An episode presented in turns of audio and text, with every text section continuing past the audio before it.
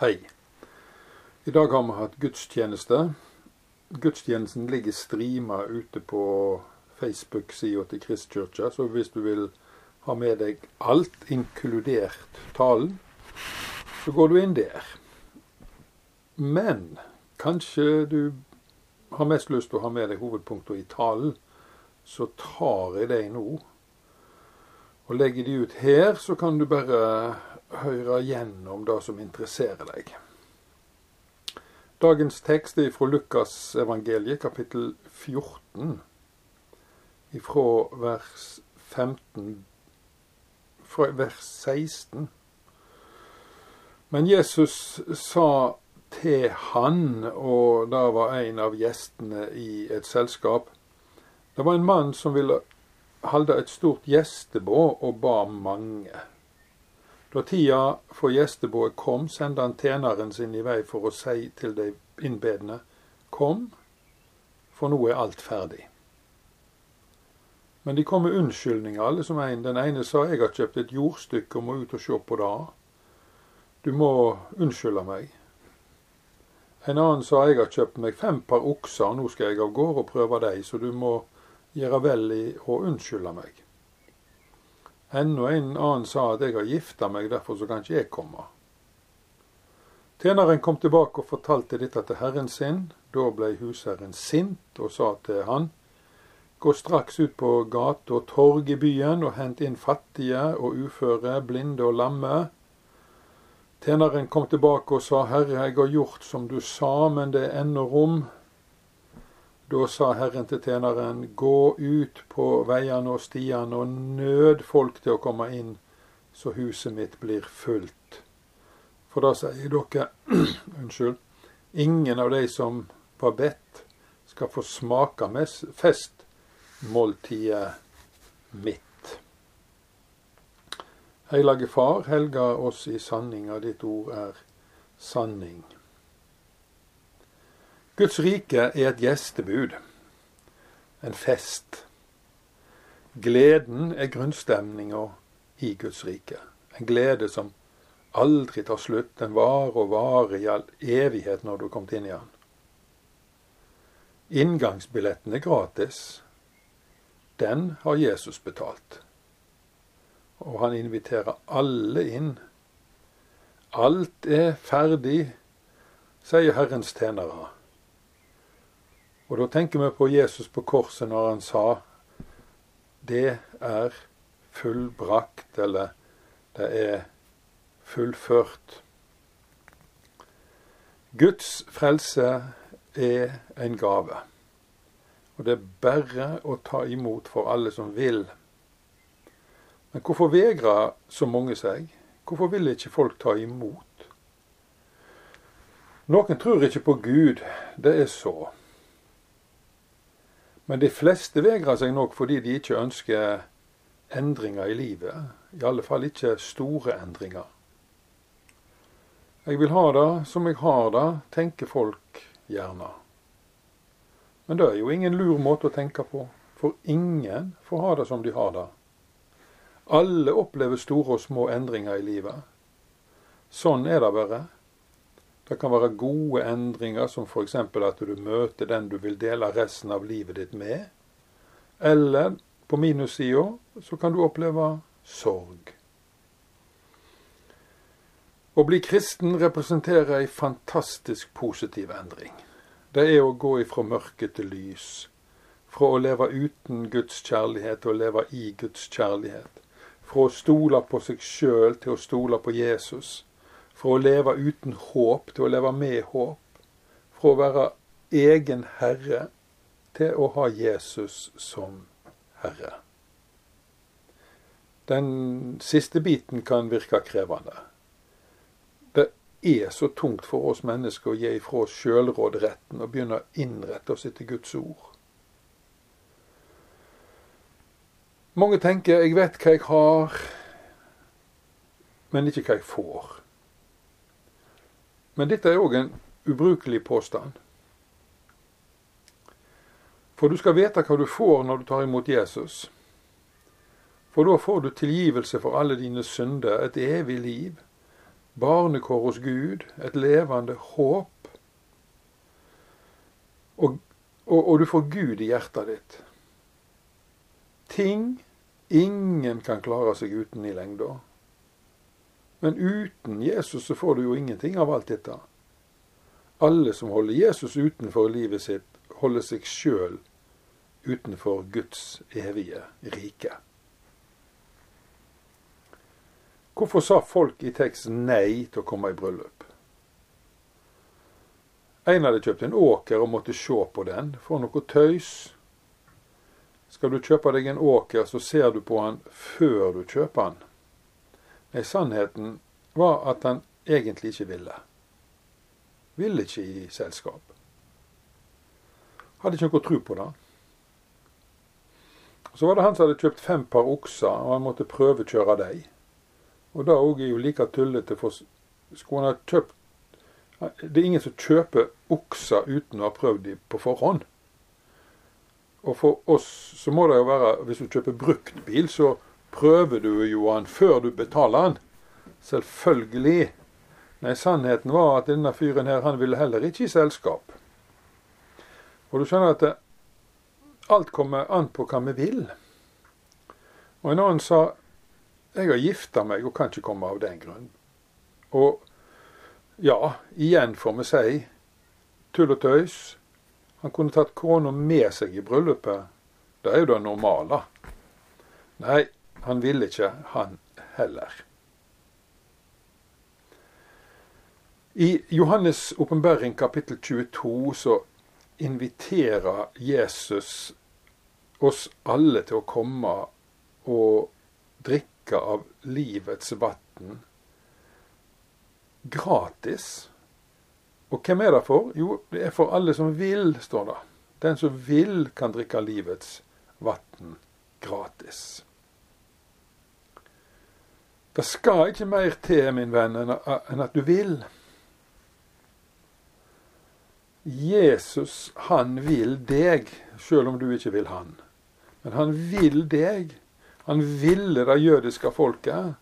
Han sa til dem hvor gjerne jeg ville samle dere, slik som ei høne samler kyllingene under vengene sine. Men dere ville ikke. Og så grein han over Jerusalem, for han så at det kom til å gå byen ille. Folk kan ha tusen unnskyldninger for ikke å bli kristne. Men når alt kommer til alt, så er den eneste virkelige grunnen at de egentlig ikke vil. De ville gjøre noe annet ut av livet sine. Det er litt skummelt å si nei når Gud kaller og inviterer. Gud er tålmodig som bare det, og han inviterer gjerne flere ganger. Men det kommer til ei grense da han bestemmer seg for å sende invitasjon til noen andre og gi et menneske opp. I Hebreabrevet kapittel 3 vers 7 leser vi i dag, i dag, altså akkurat nå, om du hører stemma hans, så gjør ikke hjertene deres harde. Det er et sitat fra Salmenes bok i Bibelen, og henviser på, på, på Israels folk når de gjorde opprør mot Gud i ørkenen. Og det er så mange harde hjerter i våre dager. Og vi mennesker kan gjøre hjertene våre harde både mot Gud og mot hverandre. Ikke gjør det, sier Gud. Hold hjertet ditt mjukt porøst og mottagelige for min kjærlighet. Jesus inviterte jødefolket, sitt eget folk, inn i Guds rike. Og de fleste svarte nei. Noen svarte ja. Før han reiste til himmelen, så var det iallfall minst 500 som ble kalt for brødre men de fleste ville ikke. Da bestemte han seg for å sende invitasjon videre til alle andre folk og nasjoner i verden, for huset hans skulle bli fullt. Og etter 2000 år så sitter vi her, folk fra ulike nasjoner, og elsker og tilber den samme Gud og frelser. Vi er blitt ett folk. Jesusfolket. Folket som har ei framtid. Men vi må huske på at vi er i frykt av generasjoner med kristne som har ført trua videre og videre og videre til nye folkeslag.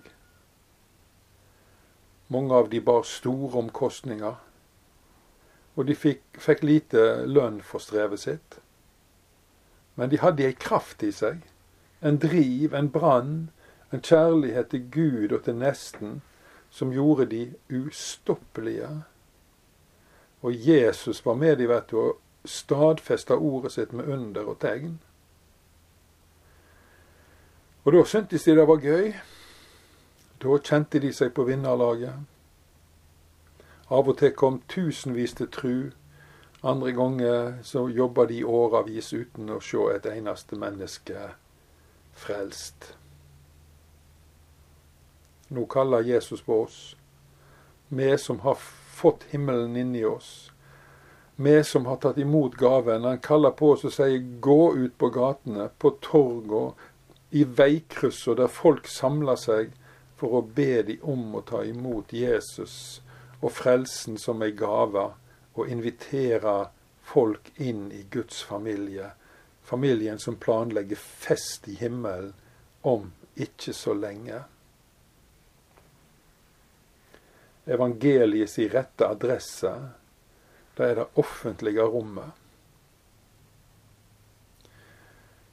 Mange mener at trua er noe som folk skal holde for seg sjøl, men det er jo like tåpelig som å si at de som først tok imot Tysklands kapitulasjon 8. mai 1945, skulle holde dette for seg sjøl, og så skulle resten av folket gå rundt og være redd for tyskerne? Nei, da var jo ikke mulig.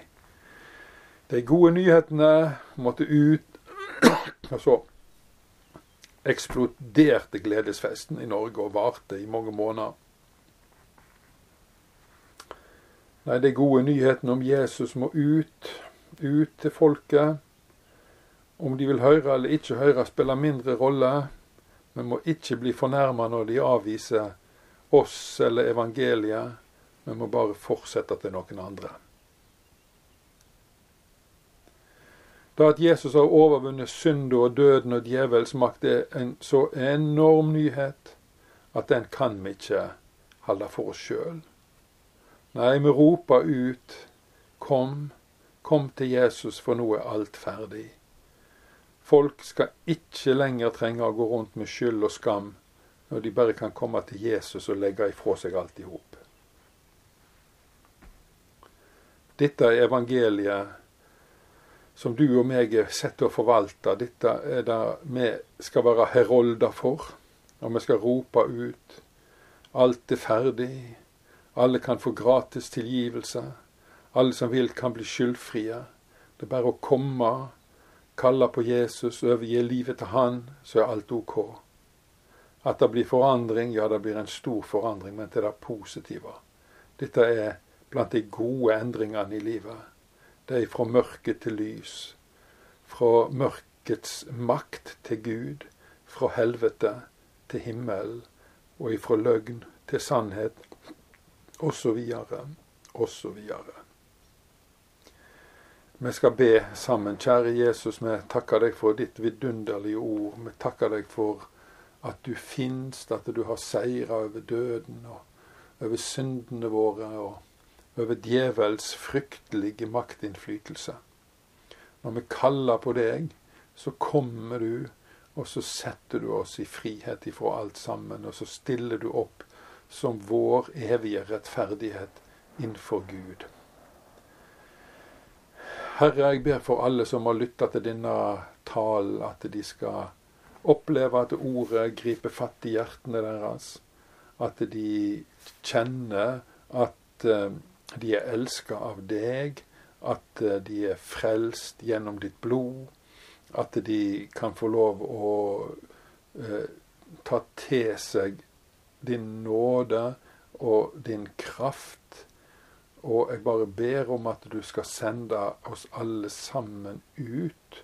Drive oss ut med den krafta, Herre, som ligger i Den hellige ånd. Driv oss ut på gatene, på torg og på, i, i veikryssa, der det færrest folk som vi kan kalle de inn i ditt evige rike, så de kan bli frelst fra fortapelsens gru.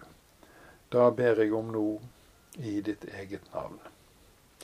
Fader vår, du som er i himmelen. Lat navnet ditt helgas, lat riket ditt komme. Lat viljen din råde på jorda så som i himmelen. Gi oss i dag vårt daglige brød, og tilgi oss vår skyld som vi òg tilgir våre skyldnere. Og lat oss ikke komme i freisting, men frels oss fra det vonde. For riket er ditt, og makta og æra i all eva. Må Herren velsigne deg og bevare deg. Må Han la sitt ansikt lyse over deg og være deg nådig. Må Han løfte sitt åsyn på deg og gi deg fred. Takk for at du tok deg tid å lytte til Guds ords forkynnelse. Du er alltid hjertelig velkommen i Kristkirka på Stord, som for alt jeg vet kan være akkurat den rette menigheten for deg.